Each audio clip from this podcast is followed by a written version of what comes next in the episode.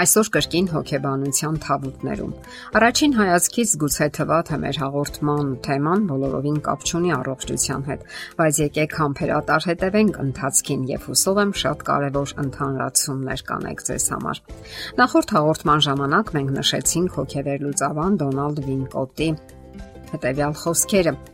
Մոր դեմքը կարելի է անվանել հայելու նախակերպար։ Այդ դեմքի մեջ երեխան տեսնում է իրեն սիրված ու ցանկալի։ Այդպիսի վաղ տպավորությունները նրա ապագա բարեկեցության եւ հաջողության հիմքն են։ Առաջին մանկական տպավորություններն ու հույզերը սիրված ու ցանկալի լինելը իսկապես շատ բան են որոշում անznավորության կյանքում։ Եթե նա իր կյանքում չի ստանում մայրական սեր եւ աջակցություն, խնամ եւ հոգատարություն, հոգեբանական խոր վնասվածքներ է ունենում, ինչը որոշիչ ու ճակատագրական դեր է խաղում նրա հետագա կյանքում։ Մեր նախորդ հաղորդման ժամանակ խոսեցինք նաև այդ սիրո բացակայության թողած խոր հետքերի մասին, որ ոչ մի նյութական հաջողություն, նվերներ չեն կարող բուժել այդ նվացող վերքերը, լցնել ներքին դատարկությունը եւ վերացնել ամայության զգացումը։ Սակայն ողջվում է, որ հնարավոր է շատ բան վերականգնել սեփական ջանքերով։ Շատերն են պայքարում եւ հաջողության հասնում հոգեբանական այդ նուրբ պայքարում։ Ելք է նաեւ Աստծո հանդեպ հավատը։ Այն օգնում է լցնել ներքին դատարկությունը եւ ուղղորդում է բազմաթիվ կենսական հարցերում։ Սակայն շատ շատերին այդ ուղին տարօրինակ է թվում եւ նրանք երբեմն չեն էլ ընդունում այն։ Ինչ է հարկավոր անել։ Ամենից առաջ գիտակցել, որ նման հիմնախնդիր գոյություն ունի թույլ տալ գիտակցելու դրա խորությունը եւ այսպես ասած գունային երանգները իրենց ողջ բազմազանությամբ։ Տեսնել թե ինչպես է նա սահմանում ու ձևավորում մեր կյանքի ընթացքը կորուստների, անհաջողությունների ու մերժումների վախերի միջոցով։ Հարկավոր է նաև հասկանալ, որ ոչ մեկը առանձնահատուկ չի ձգտել ցավ պատճառել մեզ ավելի շուտ մեր սիրասուն մայրիկները իրենք էլ չեն իմացել թե ինչպես ճիշտ վարվել։ Իրենք էլ են տարապել սեփական չլավացող հուզական դիրքերից։ Հարկավոր է առողջ մեր ներկա իրավիճակի դիրքերից նայել անցյալ իրադարձություններին։ Այդ ժամանակ մենք լավագույն ձևով չենք վարվել, ինչպես հիմա հասկանում ենք դա։ Սակայն այդ պահին դա է եղել առավելագույն ճիշտը։ Սակայն միայն նայելով ու տեսնելով հնարավոր չէ լուծել հարցերը։ Հարկավոր է երանդուն դիրքորոշում որթեգրել, հաստատական որոշում ընդունել, որ պետք է հոգաք ձեր մասին, կարեկցեք եւ տրամադրվեք բուժման հարկավոր է հիշել ու տեսնել ներքին երեխային, ապա գիտակցել ու հասկանալ, թե ինչ է ցանկանում նա։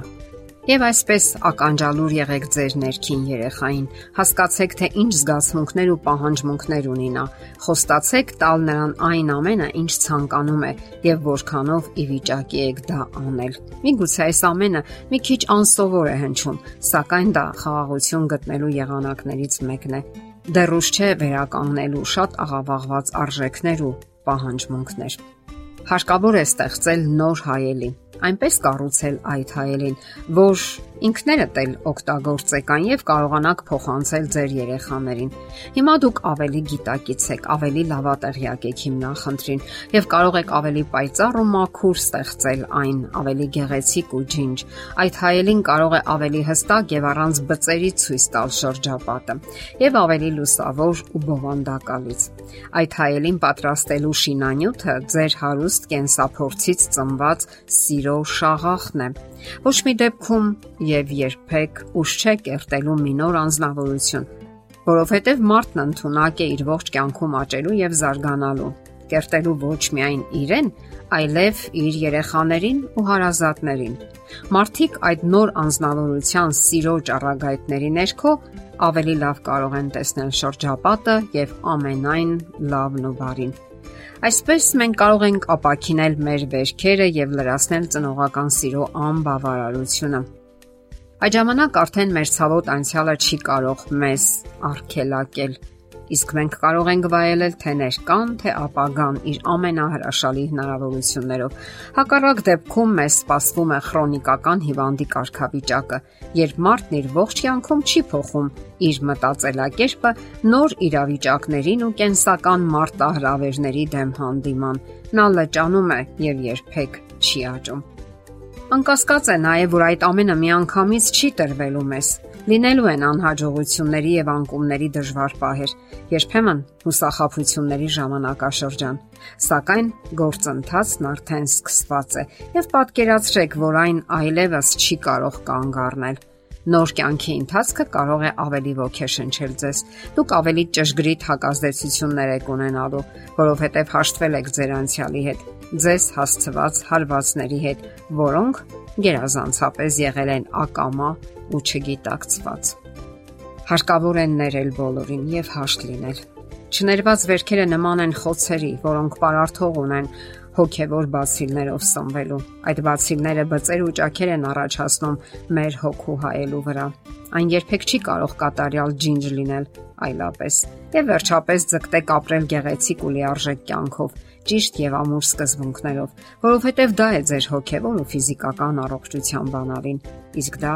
ձեր ձեռքերում է։ Եթերում է առողջ ապրելակերպ հաղորդաշարը։ Հարցերի եւ առաջարկությունների համար զանգահարել 033 87 87 87 հեռախոսահամարով։